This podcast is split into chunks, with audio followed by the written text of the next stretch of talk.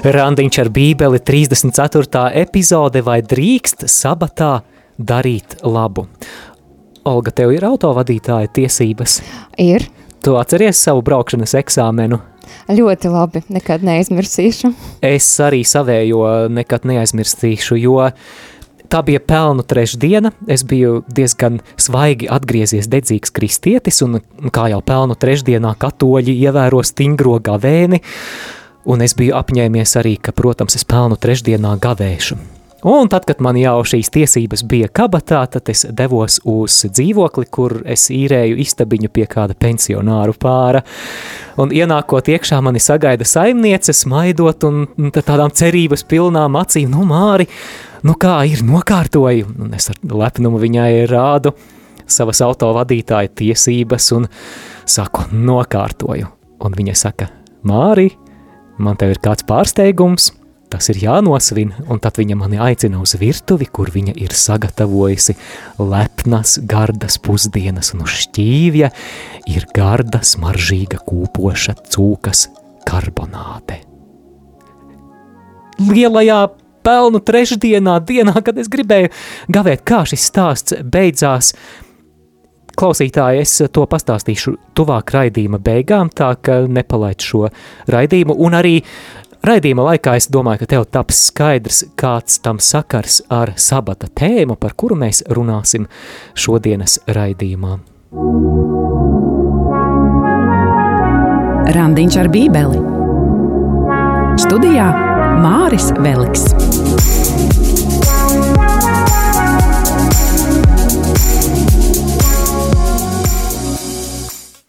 Jā, tātad, tātad par to, kā es izkolos no tās situācijas ar gaļas karbonādi mazliet vēlāk, bet mīļo klausītāji, kā tu būtu šādā situācijā rīkojies? Raksti mums īziņas. Tiešām, kā tu būtu rīkojies situācijā, ja tu esi ap, apņēmies pelnu trešdienā vai lielajā piekdienā gavēt, bet nu, kāds patiešām sirdī ir ielicis tajā karbonādes gabalā, ko tu darītu? Iesaisties ēterā, zvanot uz studijas tālruni 67 969 131 vai rakstot īsiņu uz numuru 266 77 272. Izmanto arī e-pasta iespēju Studija at rml.lv. Jā, šāda lūk kontaktinformācija. Cerams, ka mēs saņemsim arī kādas īziņas, un tad raidījuma beigās arī tās nolasīsim. Un es jau varu padalīties, ja man bija līdzīga situācija. Jā. Tā nebija pelnu trešdiena, tā bija piekdiena, kad mēs atturamies no gaļas, un kādu no piekdienām tad mani uzaicināja ciemos kādā meitene, nu, kura nav no katoļu baznīcas, nu, viņa ir kristieta no citas konfesijas. Bet kuriem un, nav tā gaļas gavēņa jā, piekdienās? Jā, nav, un uh, viņa mani aicināja, jā, jā, nāc pie maniem, un tad viņa sagatavoja zupiņu ar, ar vistu, un es biju pie viņas ciemos, un man atceros, es arī biju tikko atgriezusies, nu kā dažus gadus jau, man likas, ka nu, ko tad darīt tagad, vai man apbižot viņu, nē, es to zupiņu, nu, es beigas ēdu. Jā, varbūt tas ir tāds pamudinājums klausītājiem padalīties ar savu uh, pieredzi par šo. Jā, kāda būtu jūsu izvēle? Un raidījuma beigās dzirdēsiet arī vairākas cilvēku liecības par kalpošanām svētdienās, un ne tikai tas, protams, saistībā ar sabata tēmu, kuru mēs arī turpinājumā aplūkosim, un lūk arī neliels ieskats – Es esmu viens no svētdienas skolas vadītājiem savā draudzē. Kalpošana pie altāra, uztveru kā lūkšanu. Pie Kalkutas māsām palīdzēju kalpošanā trūkumcietējiem un bezpajumtniekiem. Es kalpoju kā slavētājs. Mēs izmantojām tādu iespēju, esot pansionātā, satikt arī citus tur dzīvojošos cilvēkus un pastāstīt viņiem par Kristus mīlestību.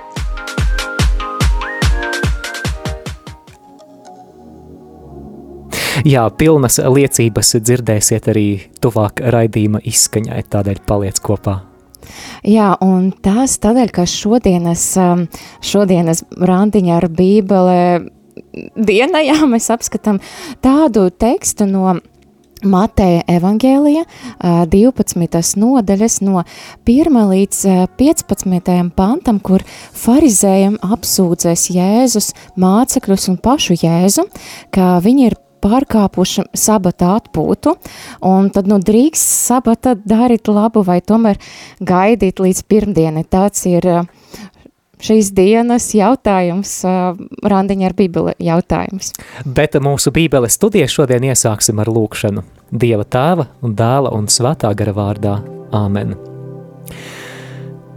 Dievs svētais gars, mēs mīlam tavu klātbūtni, jo tad, kad tu nāc, tad Dieva vārds mūsu priekšā atdzīvojas, un mēs lūdzam, lai tu spēcīgi nāc pār radio klausītājiem, un lai tu arī lieto šo raidījumu maksimāli, kungs izdari maksimumu, lai notiek arī garīgas un fiziskas dziedināšanas šī raidījuma laikā, lai cilvēki saņem tādu dāvanu, svētā gara svaidījumu lasīt tavu vārdu un iemīlēt tavu vārdu. Un lasot tavu vārdu, kungs ļauj mums iepazīt tevi, Jēzu Kristu, dzīvā Dieva dēls. Un uh, mēs arī lūdzam svētā Mateja aizbildniecību, svētais Mateja, lūdz par mums. Nu ko, sākam studēt Mateja evaņģēlija 12. nodaļu un sāksim ar pirmo pantu. Tanī laikā Jēzus sabatā gāja caur labību. Viņa mācekļi bija salkuši un tie sāka plūkt vārpas un ēst. Jā, klausītāji pievērs uzmanību, ka šeit darbība notiek sabatā, un noteikti ir jāatcerās, kas tad tas sabats bija. Sabats bija nedēļas septītā diena, bet, lai tādā bībeles kontekstā labāk saprastu, kāda tad ir tā sabata būtība, noteikti, noteikti ir jāatgriežās pie paša, pašiem pirmsākumiem, pie radīšanas stāsta, un atcerēsimies, kas tad radīšanas stāstā notika septītajā dienā. Tad es nolasīšu no radīšanas grāmatas otras nodaļas, un septītajā diena Dievs pabeidza savu darbu, ko bija darījis, un septītajā diena viņš mitējas no visa sava darba, ko bija darījis, un septīto dienu Dievs svētīja un darīja to svētu, jo tajā diena viņš mitēs no visa sava darba, ko bija darījis radīdams. Jā, tātad Dievs radīja septiņās dienās pasauli un atpūšas, bet tālāk vecajā derībā daudzās rakstu vietās mēs lasām, ka sabats ir arī paredzēts kā atpūta cilvēkiem, un šīs atpūtas svarīgums daudzās vecās derības rakstu vietās ir uzsvērts. Piemēram, viens no desmit baušļiem, ko mēs lasām izceļošanas grāmatā 20. nodaļā, skan šādi. Atceries svētīt sabata dienu, sešas dienas strāda un dari visus savus darbus, bet septītā diena ir sabats kungam, tavam dievam, tad nedari nekādu darbu, ne tu, ne tavs dēls, ne tava meita, ne tavs vērks, ne tava verdzene, ne tavi lopi, ne svešinieks, kas tavus vārtos. Un nu pat mēs lasījām situāciju, ka sabata dienā, tātad šajā atpūtas dienā, mācekļi kopā ar Jēzu iet cauri labības laukam, viņi ir izsalkuši, un viņi plūc vārpas. Vārpas, jā. Un tad uh, interesanti, vai tas ir tomēr uh, sabata pārkapums, vai tā ir ēšana. Mēs zinām, ka ēšana nav sabata pārkapums tajā laikā, un, jā.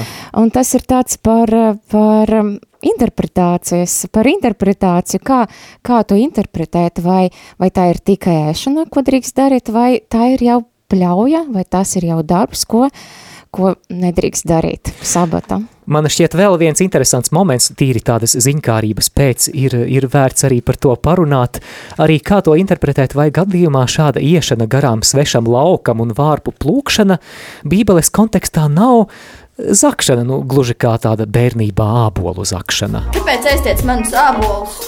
Es neaiztieku! Neticu, kausimies! Tas, kurš zaudēs, to apēdīs lācis nu jā, tāds fragmentiņš no, no multfilmas, bet, bet interesanti, ka patiesībā Mūzes likums vecajā derībā to atļauj. Piemēram, 5. mūzes grāmata, jeb atkārtotā likuma grāmata, 23. nodaļā no 25. līdz 26. pantam mēs lasām, kad tu ieeji sava kaimiņa vīna dārzā, tad līdz sātam vari ēst vīnogas. Interesanti, ka līdz sātam tas nozīmē līdz tā sajūtai, ka tu esi paēdis. Es neatceros, ka es vispār savā mūžā vai es esmu kaut kad no vīnogām paēdis. Diezgan daudz jāēt. Tātad ēst vīnogas, cik tev kārojas, bet traukā tās neliec, tātad ne ar groziņu vai spaini. Mm -hmm. Savukārt par labību ir teikts, ka tu ieeji sava kaimiņa labībā, tad vari plūkt vārpas ar roku, bet ar sirpi sava kaimiņa labībai klāt neķeries. Nu, mūsdienās droši vien par kombainu mēs varētu runāt. Un vēl interesanti arī, ka trešajā mūzes grāmatā, jeb Levītu grāva, grāmatā 19. nodaļā, arī lauku un sējumu saimniekiem pat bija tāds pienākums noteikts, ka ir jāatstāja raža nabagam un svešiniekam. Un, un te parādās kāds svarīgs princips, kurš mums būs ļoti svarīgs arī šodienas evaņģēliju turpinot studēt, un tā ir žēlsirdība. Žēlsirdība pret tiem, kam ir vajadzīga palīdzība un līdzjūtība. Tātad šīs žēlsirdības dēļ saimniekiem vajadzēja nenovākt visu ražu, bet, bet atstāt kaut ko, lai garām gājēji var, varētu, varētu paņemt. Kaut kā mēs mūsdienās par to īpaši nedomājam. Es gan biju redzējusi, ja? piemēram, kādas pilsētas, kam ir dārzi, tad viņi atstāja pie, pie, pie mm, kā pagalma durvim ābolus, piemēram, un uzrakstā, nu, ņemiet, kam kas vēlas. Man liekas, tā ir tāda tradīcija, laikam, no mm. vecās derības. Cik interesanti.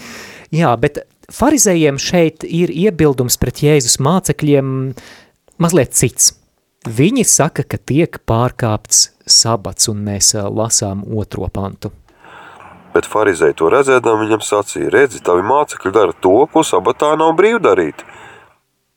Jā, un es, es laikam paspēlēšu tādu farizēju par advokātu, un, un Jā, es domāju, ka no vienas puses var saprast farizējus, jo tomēr ir Dieva dots likums, un Dievs skaidri bija pateicis baušļos, ka ir, ir septīta diena, ir, ir priekšā atpūtas, jā, noteiktas lietas drīkstēja darīt, nu, piemēram, iet uz sinagogu vai ēst vai staigāt, es nezinu, kas tur vēl bija, jā, bet, nu, no vienas puses var saprast, jo arī Dievs deva tos baušļus, likumus, un tas arī atšķira jūdus no visam pārējiem tautam, kuru vidu viņi dzīvoja, jā, jo viņam bija dzīvojis Dievs, kas deva to likumu, un tā ir bijusi tāda jūdu identitāte. Un arī, man liekas, mēs varam redzēt, ka uh, dēļ tā, ka viņi jau bija pārkapuši likumus, ka viņi bija tur uh, iepriekš jau daudzus uh, gadsimtus, gadsimtus atpakaļ, jau bija pielūguši citus dievus, ka dievs māgi arī sodīja viņus, jā, tad uh, viņi piedzīvoja trimdu, viņi piedzīvoja to, ka pirmais templis bija izpostīts, jā, un mēs arī varam lasīt uh, uh, Mūzes piektajā grāmatā, jā, par to, ka kādas ir svētības, jā, uh, Izraela tauta sekotu. Jā, 28. nodaļa. Jā, sekotu likumam, un kādas ir sekas tam, ja viņi neseko likumam. Man liekas, jūdus, farizējus var, varēja saprast par to, ka, nu, ir Dieva dots likums, Dieva dota bauslība, un ja viņi seko tam likumu, seko baušņam, tad viņam ir svētība, ja viņi neseko, tad viņam ir sots, un pat lielāks nekā pagānu tautam, jo Dievs jā. arī tā bija rakstījis. Kam jā. daudz uzticēts, no tā daudz atprasīs. Jā, un, un arī mēs varam ņemt vērā to situāciju tajā laika, jo uh, viņi jau piedzīvo okupāciju un bija, bija viņu relīga, nu var tā teikt, bija tauta apspiesta, bija smagi nodokļi, bija, bija, bija okupācija, jā, es domāju, ka viņi arī to laikam uzskatīja, ka par kaut kādu dieva sodu, bet viņi domā, nu jā, tas ir laikam no likuma nepildīšanās, un jā, jā. Jā, tā. kaut, kaut kādā ziņā man šķiet, ka tāda sabata pārkāpšana farizēju acīs bija kaut kas līdzīgs, tā kā mūsdienās būtu nacionālā karoga samīdīšana vai publiska sadedzināšana, un tāpēc viņi ir uzkarsuši par šo lietu, un, protams, jautājums ir par to, vai šī farizēju interpretācija par sabatu atbilst dieva domām. Un galu galā tā mūsu tāda cilvēciskā tendence visos laikmetos ir bijusi tā, ka mēs ļoti viegli varam nomaldīties dažās priedēs, un galu galā tad mēs vairs neredzam, kas ir tas būtiskākais šajā lietā, šajā gadījumā sabatā. Un Tāpēc arī Mateja evaņģēlija 23. nodaļā vēlāk Jēzus teiks rakstu zinātājiem, ka viņi izkāš odus, bet norīk kamieļus. Citiem vārdiem sakot, ka viņi sāk pievērst uzmanību kaut kādām detaļām, kuras patiesībā nav tik būtiskas, bet palaiž garām kaut ko, kas ir daudz, daudz svarīgāks, un arī šodienas evaņģēlija teksta turpinājumā mēs par šo svarīgāko vēl dzirdēsim septītajā pantā, man patīk žēlastība un neupuris tad jūs nebūtu šos nevainīgos nosodījuši. Noteikti es domāju, ka būtu interesanti ieklausīties arī Olga, kā tad Jēzus atbild uz šiem farizēju iebildumiem, un turpmākajā tekstā, mīļo klausītāji, centīsimies arī saskatīt tādus četrus Jēzus argumentus, un sāksim ar trešo un ceturto pantu. Bet viņš tiem atbildēja, vai jūs neesat lasījuši, ko darīja Dāvids, kad viņš bija salds, un tie, kas bija ar viņu, Kā viņš iegāja dievu namā un ēda tur izliktās maizes, ko nebija brīvi vēst, ne viņam pašam, ne tiem, kas bija ar viņu, kā vienīgi priesteriem. Šo pirmo argumentu mēs varētu nosaukt par argumentu no Dāvida piemēra. Mēs dzirdējām par ķēniņu Dāvidu, un Jēzus šeit atsaucas uz 1. Samuēla grāmatu 21. nodaļu. Klausītājiem paskaidrošu to situāciju, atgādināšu. Tātad ķēniņš Sauls Dāvidā redz savu konkurentu. Viņš ir nobijies par savu troni un sāk Dāvidu un viņa draugus, viņa sabiedrotos vajāt. Dāvids ar sav, saviem puišiem bēg, un viņi tur klejo, beguļo pa tuksnešainām vietām, un, protams, ka tur nav kaut kādu lielveikalu, kur var kefīru un baltmaizi nopirkt, tur nav benzīna tanka, kur var hotdogu pasūtīt, un Viņa nonāk arī, nu, ņemot vērā to varbūt resursu trūkumu, kas tur valdīja, nonāk tādā situācijā, kad vienīgā iespēja, kā tikt pie pārtikas izsalkumā, bija iet uz šo derības telti un lūgt priesterim Ahimeleham iedot mums tās upurmaizes. Un katru sabatu šajā derības teltī un vēlāk Jeruzalemes templī simboliski uz galda tika novietotas 12 upurmaizes, kā tāds veltījums kungam. Un saskaņā ar vecās derības tiem liturģiskajiem priekšstatiem, protams, ka šo maizi drīkstēja ēst neviens cits kā priesteris. Tad šis priesteris Ahimelehs, kuru Dāvids ir uzrunājis, viņš tādas dilemmas priekšā sanāk, jo, nu, ko, ko izvēlēties? No vienas puses ir šis priekš, priekšraksts, ka šīs maizes drīkst ēst tikai un vienīgi priesteris. No otras puses šeit ir cilvēki, kuriem vienkārši nav citu variantu.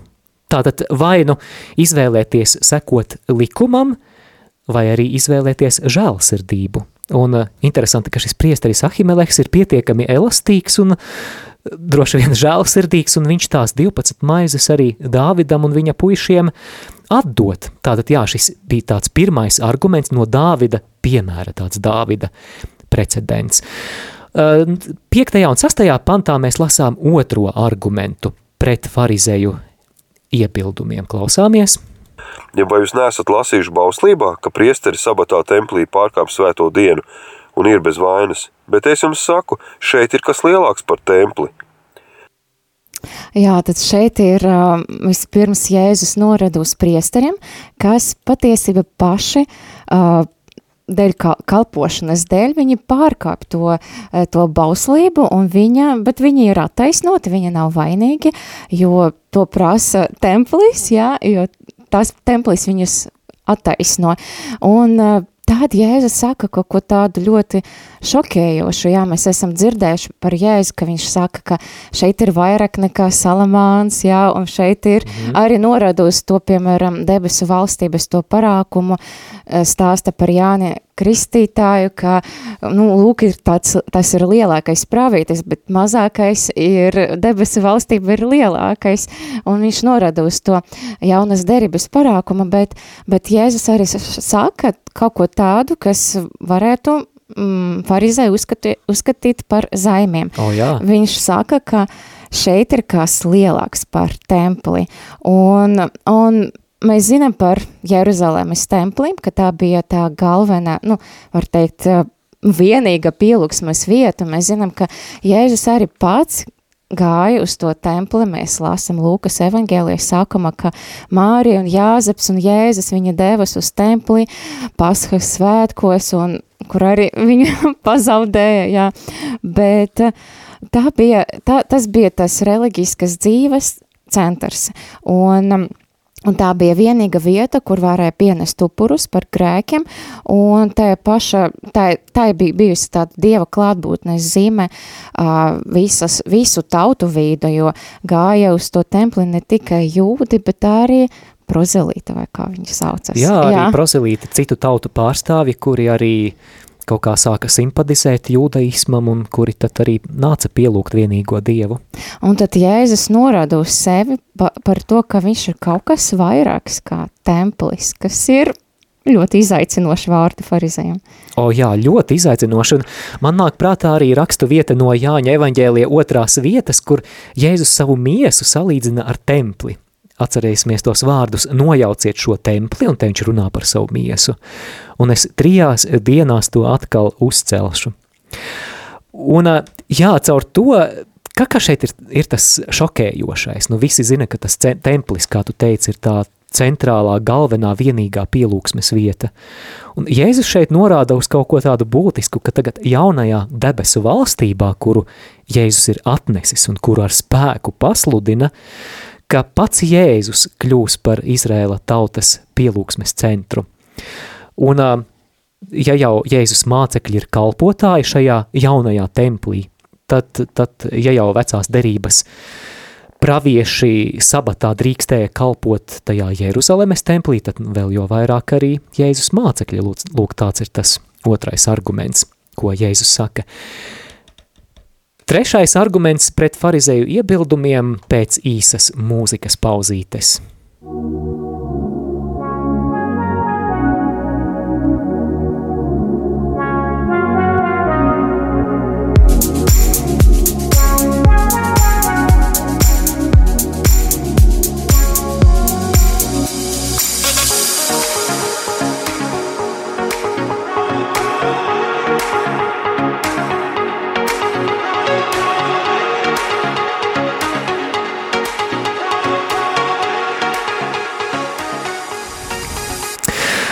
Klausāmies Mateja evaņģēlija 12. nodaļas 7. pantu, un starp citu, Edmund, paldies tev par evaņģēlija ierakstiem. Bet ja jūs būtu zinājuši, kas tas ir, man patīk žēlastība un ne upuris, jūs nebūtu nevainīgos nosodījuši. Jā, tad eh, nu, trešais arguments ir, mēs atgriežamies pie, pie tā, ko Māris jau bija pieminējis par, par Dāvidu, par to žēlsirdības argumentu. Un jaunajā tūkojumā mēs lāsam, ka, ja jūs saprastu, ko tas nozīmē gribu žēlsirdību, ne upuri, jūs nenosodītu nevainīgos. Un tas ir vēl viens arguments viņu iebildumiem, farizeju iebildumiem, jo nu, viņi nesaprata, kas ir tā žēlsirdība un ka Dieva uh, sirdi ir tik ļoti svarīgs. Un, mm, jā, man liekas, ka par veco derību mēs jau domājam, ka Dievs tāds tiesnesis, tāds uh, bārgs un soda, bet jau, bet jau vecē derība mēs lasam uh, par Dievu, kā, piemēram, 103. Mm, psalmā, ka līdzcietīgs un žēlīgs ir kungs, gauz dusmas, bet dāsna žēlastība.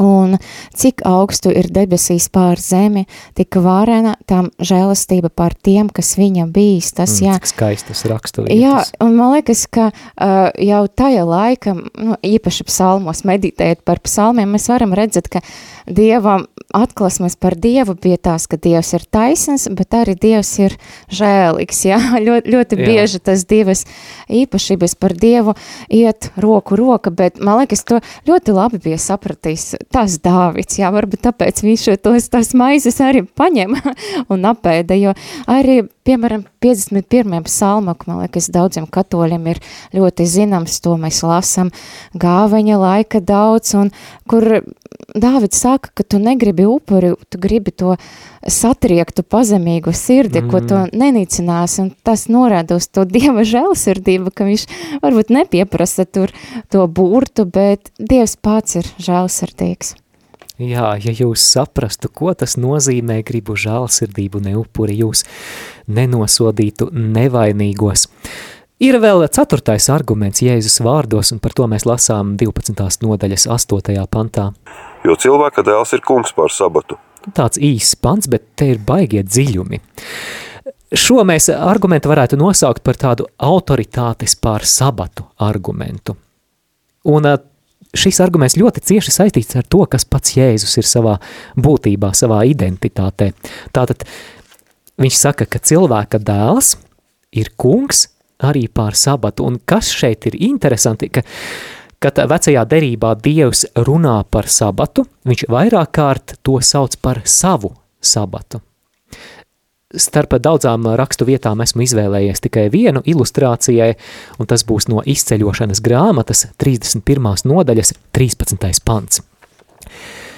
Saki Izrēla dēliem, tiesām, ievērojiet manu sabatu. Es apzināti uzsveru šo vārdiņu, manu sabatu, to saka Dievs. Jo tā ir zīme starp mani un jums uz paudzēm, lai jūs zinātu, ka es esmu kungs, kas jūs svētī.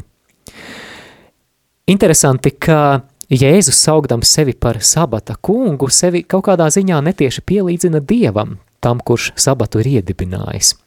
Un ja jau Jēzum piemīt šāda autoritāte, tad Jēzus ir tas, kuram piemīt autoritāte skaidrot, kā šis sabats būtu jādzīvo, kā šī sabata noteikumi būtu vai nebūtu jāievēro.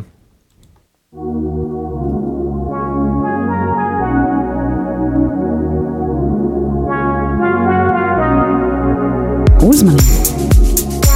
Raidījums vedot klausītāju pa Bībeles dzīļu, aizraujošajiem līkločiem, kur iespējams vēl nekad nav būts, var izraisīt nopietnu atkarību no privāta randiņa ar svētajiem rakstiem ikdienā.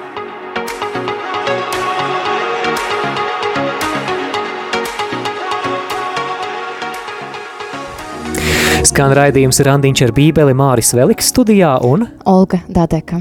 Mēs studējam Mateja evaņģēlija fragmentu no 12. nodaļas no 1. līdz 15.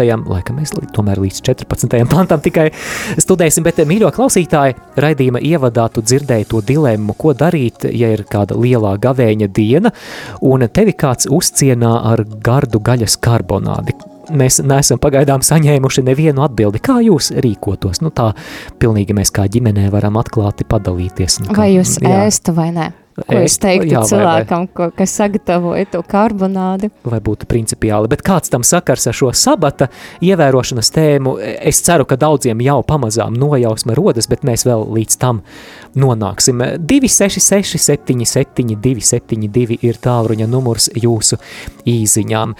Bet tālāk mums teksta turpinājumā no 9. panta 12. nodaļā ir stāsts par vīru ar paralizētu roku un Jā, un arī šī dziedināšana, ko paveic Jēzus, notiek kad?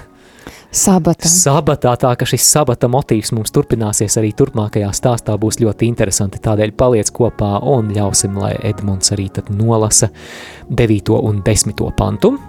Un no turienes aizgājis viņš ienāca viņu sinagogā, un redzi, tur bija cilvēks ar nokautušu roku, un tie viņam vaicāja sacīdami, vai ir brīvs sabatā dziedināt, ka tie varētu viņu apsūdzēt ir ļoti interesanti atkal Jēzus eh, kaut ko izdara tieši sabatā, un man bija doma par to, varbūt Jēzus speciāli to izdara sabatā, lai, Tā kā provocēja, lai, lai izraisītu šo sarunu par to, nu kas tas tad ir sabats, jo man liekas mm -hmm. tik daudz dienu, kur Jēzus varēja izdarīt to brīnumu, bet nē, tieši viņš sabata, man liekas, varētu kaut kāda ziņa demonstratīvi, uh, speciāli sinagoga uh, to bija izdarījis, jā, un tie farizēji, protams, palika, nu, dusmīgi un tā tālāk, ko viņi kaut ko tur izdomā un kur viņi apspriedas, par ko mēs arī tālāk lasīsim, bet, uh, bet tieši par to dziedināšanu, uh, nu, vecas derības līkuma nebija aizliegumas dziedināt, jā. Nu, varbūt nebija precedenta, varbūt neviens nekad nebija izdomājis dziedināt tieši sabata, uh, to likumus nevarēja paredzēt, un, un arī vēlāk arī jūdu rabīnu norādītajos 39 darbos neko, ko nedrīkst darīt sabata, arī nav aizliegumu dziedināt. Un Un vēlāk šī tradīcija jūdu vīdu nu, bija tāda izpratnē, ka medicīniska palīdzi, palīdzība sabata bija iespējama tikai kaut kādus neatliekamajos uh, gadījumus, jā, kad, nu, tiešām nu, nevar gaidīt, jā. Un tad, uh, tad tas jautājums, vai, vai Jēzus tad nevarēja pagaidīt un sniegt to palīdzību medi, medicīnisko, jā, tad uh, pirmdien, nevis pirmdien, bet nākamajā diena pēc sabata. Jā, Jēzus domā citādāk nekā farizēja, un par to lasām 11. pantā. Bet viņš uz tiem sacīja, kurš cilvēks jūsu starpā, kam viena aus, un tā sabatā iekrīt bedrē, to nesatvers un nevilks ārā. Man šķiet arī mums tāda cilvēciskā vājība, ka mums ļoti viegli bieži vien šķiet kaut ko komentēt no maliņas tev tur vajadzēja darīt tā un, šit, un šitā, bet tad, kad mēs paši nokļūstam kādā situācijā, tad mēs konstatējam, ka patiesībā mēs kaut kā tīri instinktīvi rīkojamies pilnīgi citādāk un, un eh, varbūt pat pretēji kaut kādiem mūsu iekšējiem principiem. Un Jēzus mazliet apelējot pie, pie šīs lietas, viņš it kā aicina iztēloties tādu situāciju, ka iedomājieties, ka jūsu aitiņa ir iekritusi bedrē, Tā nav kāda kaimiņa aitiņa, tā ir jūsu aitiņa, kas ir iekritusi bedrē. Un ir sabats. Un viņš uzdod šo jautājumu, ko jūs darītu? Ko tu darītu? Un, protams, kāds principiāls farizējs varēja varbūt līdz galam nepadomājot par šo iesaukties, ka, ka nē, nē, nē, tā ir sabats, neko tādu nedrīkst darīt, bet Jēzus it kā provocē, nē, nu padomā, tā ir tava aitiņa, Vai tiešām tu gaidīsi līdz nākamajai dienai? Mm, un patiesībā cilvēkiem šeit pat īsti nebija ko iebilst, jo, jo visi iedziļinoties tajā savā sirds intuitīvajā sajūtā, viņi zināja, ka nu, nolieksies viņi pār to bedri, nu, izvilks viņi to nabaga lopiņu, turklāt, ja tā vēl ir vienīgā aitiņa. Un tad tālāk seko arī Jēzus vārdos tāds negaidīts pavērsiens šajā argumentā ar aitiņu. Vai tad cilvēks nav daudz labāks par avi? Tādēļ sabatā ir atļauts labu darīt. Jā, tad šeit mēs uh, lasām, ko Jēzus saka par, par, Jēzus, uh, par cilvēka vērtību, jo mēs zinām, ka cilvēks ir radīts pēc Dieva tēla un līdzības, un kas tad ir vērtīgāks, jā, izējot tā, nu, no tā argumenta par to lopiņu, ka mēs glābtu to dzīvnieku, jā, bet kas ir tāds būtu svarīgāks cilvēks? Vai, vai, vai tas lopiņš, jā, un tad... Uh, Jā, Dievs piešķiras cieņu cilvēkiem, un ja dabiski rūpēties par, par dzīvnieku, kurš cieš tagad, ka viņu ir jāizglāb, nu, kur vēl vairāk par, par cilvēku, un tādēļ, un no jauna tulkojuma lasot, ir atļauts sabata darīt labu, tātad Jēzus nepārkāp sabata likuma, bet noraida farizē interpretācija, un arī interesanti, ka ir arī cita vieta, piemēram, Lūkas evangēlē 13, kur ļoti ļoti līdzīga situācija. Tur viena sieviete bija kā 18 gadus jau tā kā mocījies eh, slimību gars, un Jā. viņa bija saliekta un nevarēja iztaisnoties, un Jēzus tieši arī viņu dziedina sabata, un atkal viņš uh, saņem tos pārmetumus, jā, un tad viņš arī saka, ka, ka šo sievieti jau 18 gadus ir uh, sasējis uh, ļaunais gars, un viņš arī runa par to, un sabata, vai jūs neatsējat savu ēzili vai vērsi, un uh, nevēdiet viņu padzērties, jā, un viņš mm. saka, jā, ja pat šo Ābrahama meitu ir sasējis ļaunais gars, vai tad nav šodien tā diena, kura, kura viņu varētu, var, vajadzētu atraisīt no tām saitēm, jā, man liekas arī tāds tieši, tas arī varētu pagodināt Dievu, kā tieši, tieši ne ikdiena Jēzus to izdara, bet tieši sabata kunga diena šo svinīgo brīdi, kad cilvēks piedzīvo kādu dziedināšanu, atbrīvošanu. Turpinām ar 13. pantu. Tad viņš saka tam cilvēkam, izstiep savu roku, un viņš to izstiepa – tad tā kļuva vesela kā otra. Jā, notiek dziedināšanas brīnums. Roka kļūst vesela kā otra. Un kāda ir apkārtējo reakcija? Mēs redzēsim, ka opozīcija pret Jēzu pieņemas spēkā, un jau iespējams varbūt arī ievēroja, ka iepriekšējās Mateja evaņģēlija nodaļās jau pret Jēzu tika vērsta opozīcija. Atcerēsimies, piemēram, ka 9. nodaļā, kad Jēzus izdziedina paralizēto, tad tad uh, arī izskan šie farizēju vārdi šis zaimo Mateja 9.3. Bet šeit, 12. nodaļā, šajā aprakstītajā gadījumā, ir tāds svarīgs pagrieziena punkts opozīcijā pret Jēzu, un mēs lasām 14. pantu.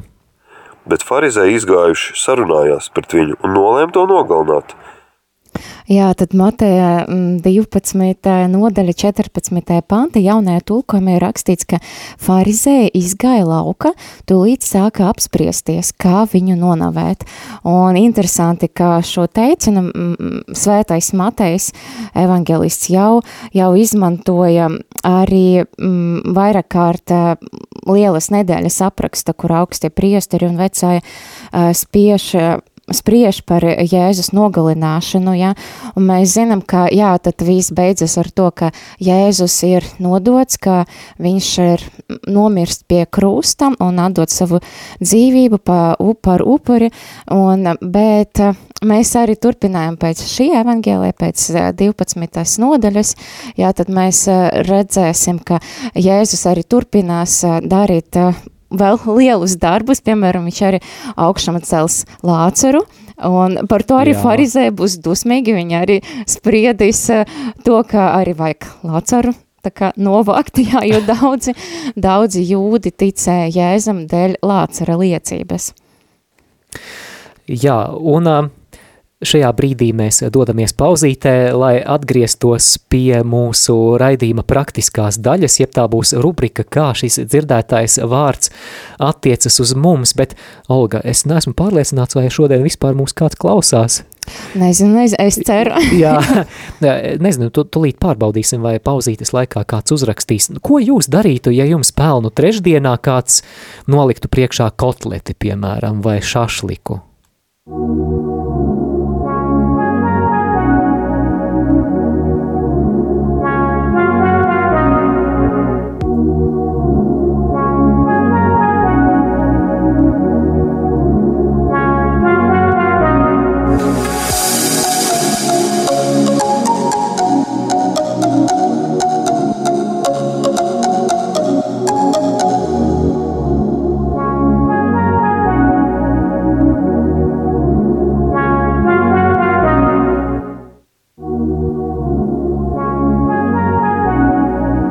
Dzirdētais attiecas uz manu dzīvi.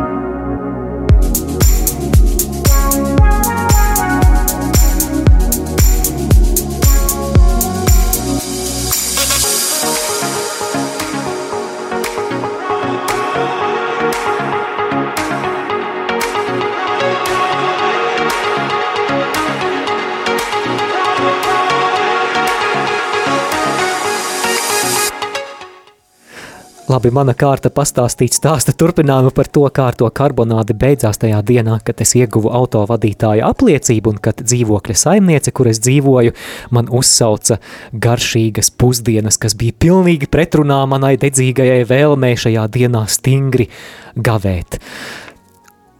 Kur, kur ir tā līdzība ar šo sabata situāciju, jo patiesībā līdzīga kā arī priesteris Ahimelehs, arī es biju nonācis izvēles priekšā – À, mums arī šeit ir kāda īziņa.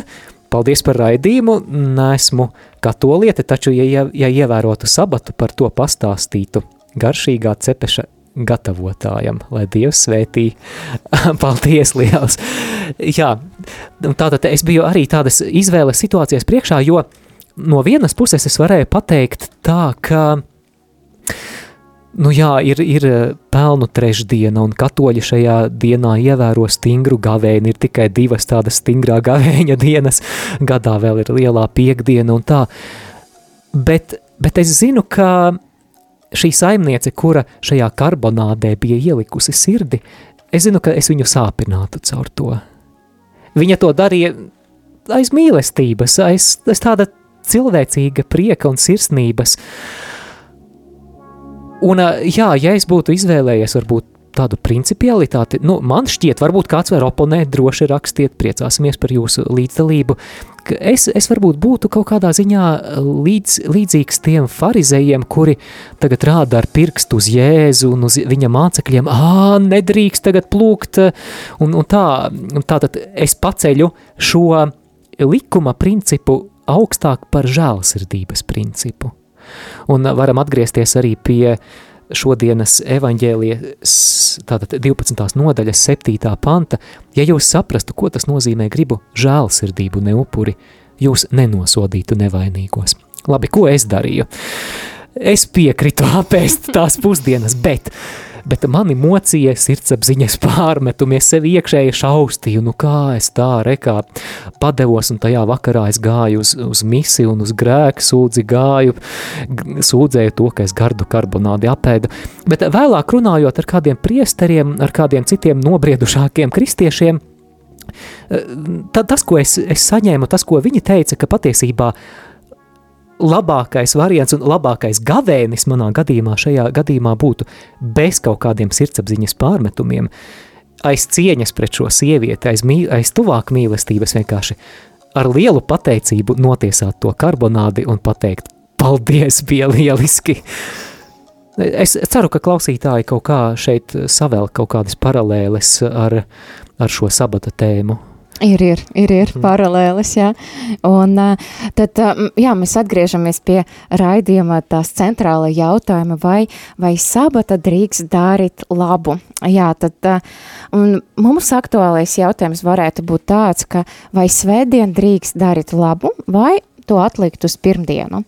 Un tad es nolasīšu kādu fragmentu no katoļu baznīcas katehisma, uh, Tad lāsu, jā, pēc kristīgas dievbības tradīcijas svētdiena ir veltīta labiem darbiem un pazemīgiem kalpo, kalpojumiem slim, slimajiem, invalīdiem un veciem cilvēkiem. Kristieši svētdienu svētīs veltījot savai ģimenei, tuviniekiem, laiku un rūpes, kas grūti atrodams pārējais nedēļas dienas. Un var, sakot, jā, ko baznīca māca, tad mēs drīkstam darīt labu. Protams, tās neiet runa par to, ka kādiem dārza darbiem vai, vai kaut kādu... Ar motorzāģi, kokus zāģēt. Jā, tad šeit ir runa par, par kalpošanu, nu arī jā, jāatceras par atpūtu, bet arī, nu, šī diena būtība ir tāda, lai tu varētu veltīt kalpošanai un arī kādiem tuviniekiem, jā.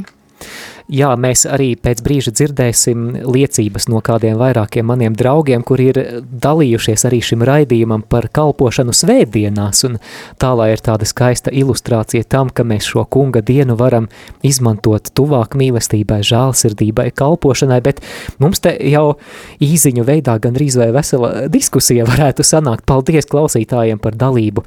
Kāds raksta, ka nē, es tur. Mēs varam balsot, kas pār, tad viens, viens, viens pagaidām. Jā, tad slavēts Kristus. Atkarībā no tā, cik tuvs cilvēks, o, labs arguments, mm. mēģinātu stāstīt par savu apņemšanos. Mm, paldies par šo atbildi. Tad kāds cits klausītājs, ā, Iveta raksta, ēstu to gaļas karbonādi, jo kas tad ir svarīgāks, likums vai tuvāk mīlestība un cieņa? Saimniece, saimniece taču to gatavoja ar mīlestību. Pēc tam kā gandarījumu noskaitītu pātarus un visiem būtu labi, nu man patīk šis variants, paldies Iveta. Un, un, un, jā, Gatis raksta, labdien, gribēju jautāt, cik bieži ir jāiet uz baznīcu, ja esi kristīgs cilvēks un vai pietiek ar to, ka noskaita rītā un vakarā Ā, nē, tas citam raidījumam bija. Jā, tātad cita īziņa. Ja tas būtu tūs un mīļš cilvēks, es neatteiktu pieklājības pēc apēstu. Un Līga raksta, sveiki, paldies par raidījumu. Es pastāstītu savus principus, ka parasti pelnu trešdienā tā nēdu, bet aiz tuvāk mīlestības pret gatavotāju mazu gabaliņu apēdīšu. Tā teikt, vilks paēdis un kaza dzīva. Paldies, Līga. Arī šeit ir ļoti liela gudrība, Līga, jo jo šeit ir iespēja arī kaut kādā ziņā kļūt par evanģelizētāju un, un pastāstīt, kāpēc mēs to darām, ko nozīmē pelnu trešdiena, bet tai pašā laikā arī nesist ar šo principu, ka tagad ā, viss var, var to karbonādi likt saldētavā, bet jā, ka, ka es to nobaudu, bet tai pašā laikā arī pastāstu par savu apņemšanos. Un jā, tad tagad, tagad īs džingls un tad arī noklausīsimies vairākus pieredzes stāstus.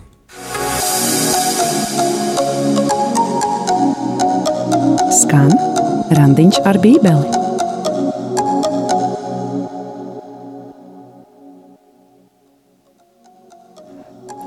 Un vispirms mums būs arī Ilzes liecība par to, ka svētdienās var kalpot, piemēram, svētdienas skolā. Es esmu Ilze, un um, es esmu viens no svētdienas skolas vadītājiem savā draudzē. Un svētdienas skola diezgan bieži arī notiek svētdien. Jāatzīst gan, ka es neredzu tur nekādu pretrunu ar Dieva doto balsu svētīt svēto dienu, jo padziļināt savu izpratni par baznīcas mācību pavisam noteikti ir viena no lietām, kas svētdien būtu ieteicama darīt.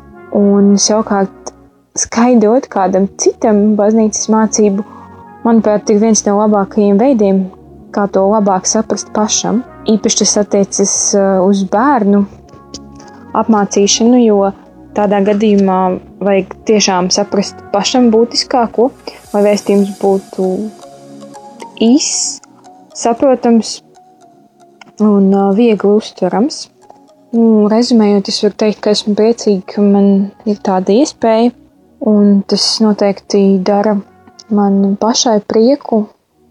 Un, uh, es ceru, ka arī uh, nu, šiem uh, bērniem dod saka, nozīmīgu ieguldījumu viņu nākotnē, jo parastā skola māca, kā viņiem būt uh, bagātiem, veiksmīgiem biznesā, bet uh, kristīgā ticība faktiski māca mums, kā mēs varam būt laimīgi jau šeit un arī mūžībā. Paldies, Ilze! Manuprāt, ļoti skaista liecība tam, ka sabatā var darīt labu. Un nākamā būs Roberta liecība par arī kalpošanas pieredzi svētdienās pie altāra. Kāds tad ir viņa pieredzes stāsts? Slavēts Jēzus Kristus! Esmu ministrants Roberts, svētdienas dienas, veltu atpūtēji, kalpošanu pie altāra, uztveru kā lūkšanu. Svētdiena ir arī lielisks laiks tuvāk mīlestības un žēlsirdības darbiem, un par to mums liecinās Māra. Paldies, Māra! Pie Kalkutas māsām palīdzēju kalpošanā trūkumcietējiem un bezpajumtniekiem, izdalot ēdienu, mazgājot traukus, grīdu, arī brūču pārsiešanā un apkopšanā. Māsas ir mīlošas, un es ātri vien redzēju, ka viņu acīs es esmu tāda pati kā šie palīdzības lūdzēji, mēs visi esam vienlīdzīgi. Es arī devos uz turieni sava trūkuma vadīta, jo es augu saņemt garīgo barību un iztīrīt savas dvēseles brūces un tikt uzklausīta. Un, lai gan es to īpaši neprasīju, es zinu, māsas aizlūdza par mani, tostarp īpašā nodomā, lai es atrodu augotu darbu. Es biju dalījusies ar viņām, ka jau ilgāku laiku esmu darba meklējumos, un es arī atradu darbu mēneša laikā. Es katram novēlu apciemot kalkutas māsas un mācīties kopīgi kalpot, trūcīgajiem un ar atvērtu sirdi saņemt maigu mīlestību, prieku un pateicību. Paldies, Māra! Kas gan būtu svētdiena un svētdienas dievkalpojumi bez muzikāliem kalpojumiem, bez slavēšanas kalpojuma, un par to mums pastāstīs Māja.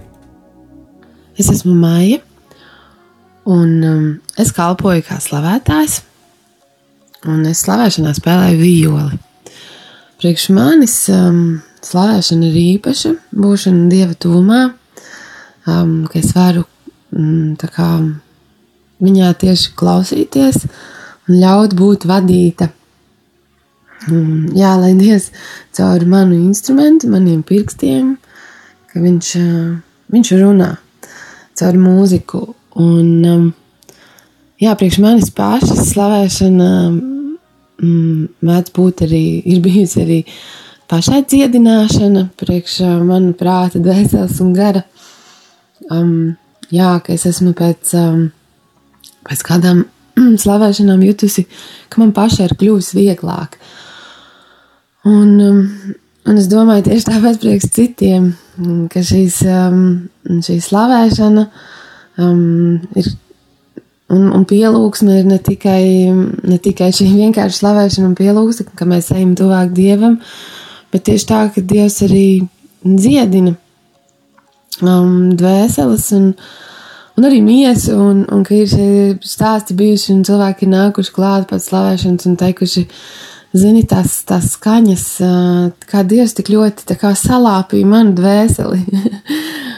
Mm, jā, un tas ir tik skaisti, ka Dievs caur mūziku un šo slavēšanu, ka Dievs var, var uh, salāpīt šīs dvēseles.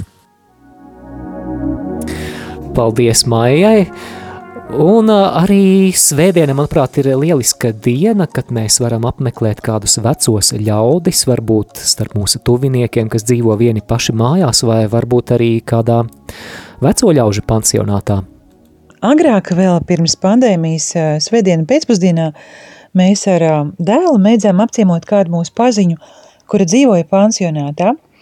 Šī dzīvošanās nu nebija tāda pavisam parasta, mēs izmantojām tādu iespēju, esot pansionātā, satikt arī citus tur dzīvojošos cilvēkus un pastāstīt viņiem par Kristus mīlestību.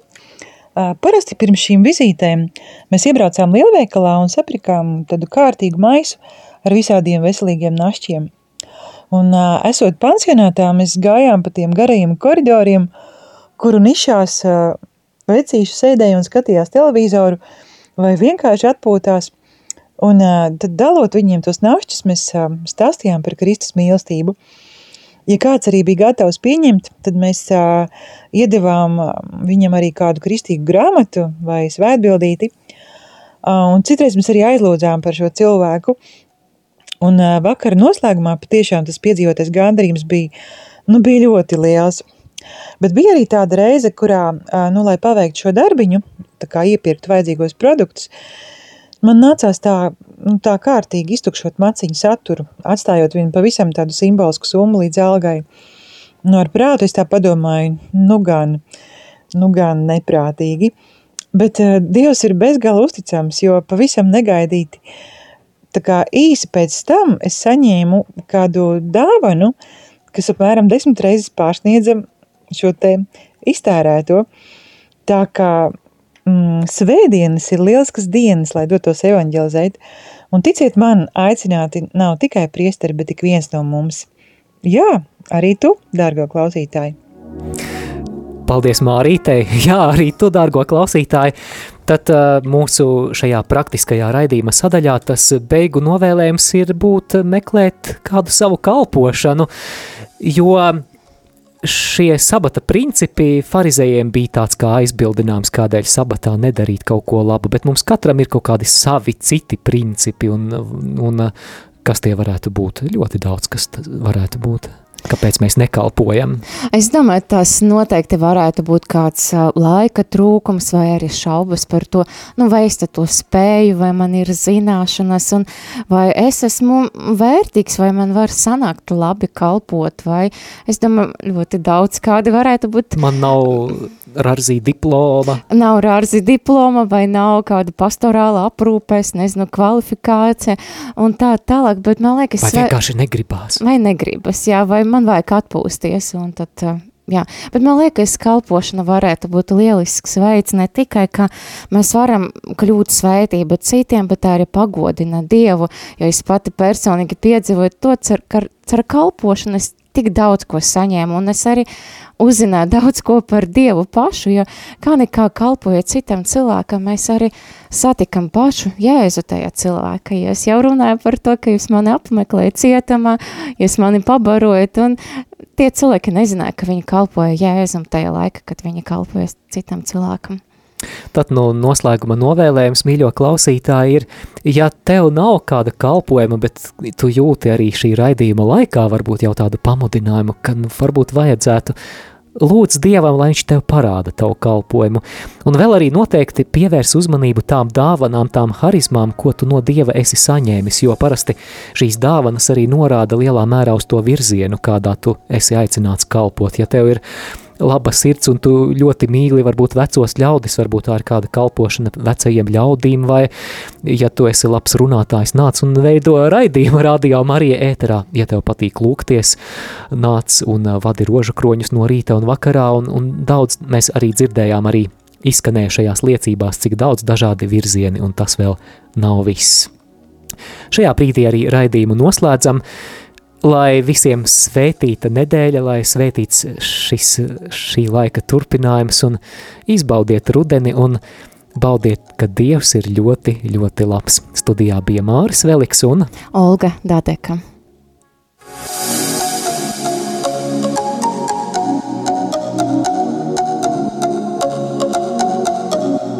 Jūs klausījāties raidījumu Randiņš ar Bībeli. Savas atsauksmes, ieteikumus un jautājumus sūtiet uz e-pastu randiņš ar bībeli at gmail.com. Iepriekšējās raidījuma epizodes aicinām meklēt arhīvā.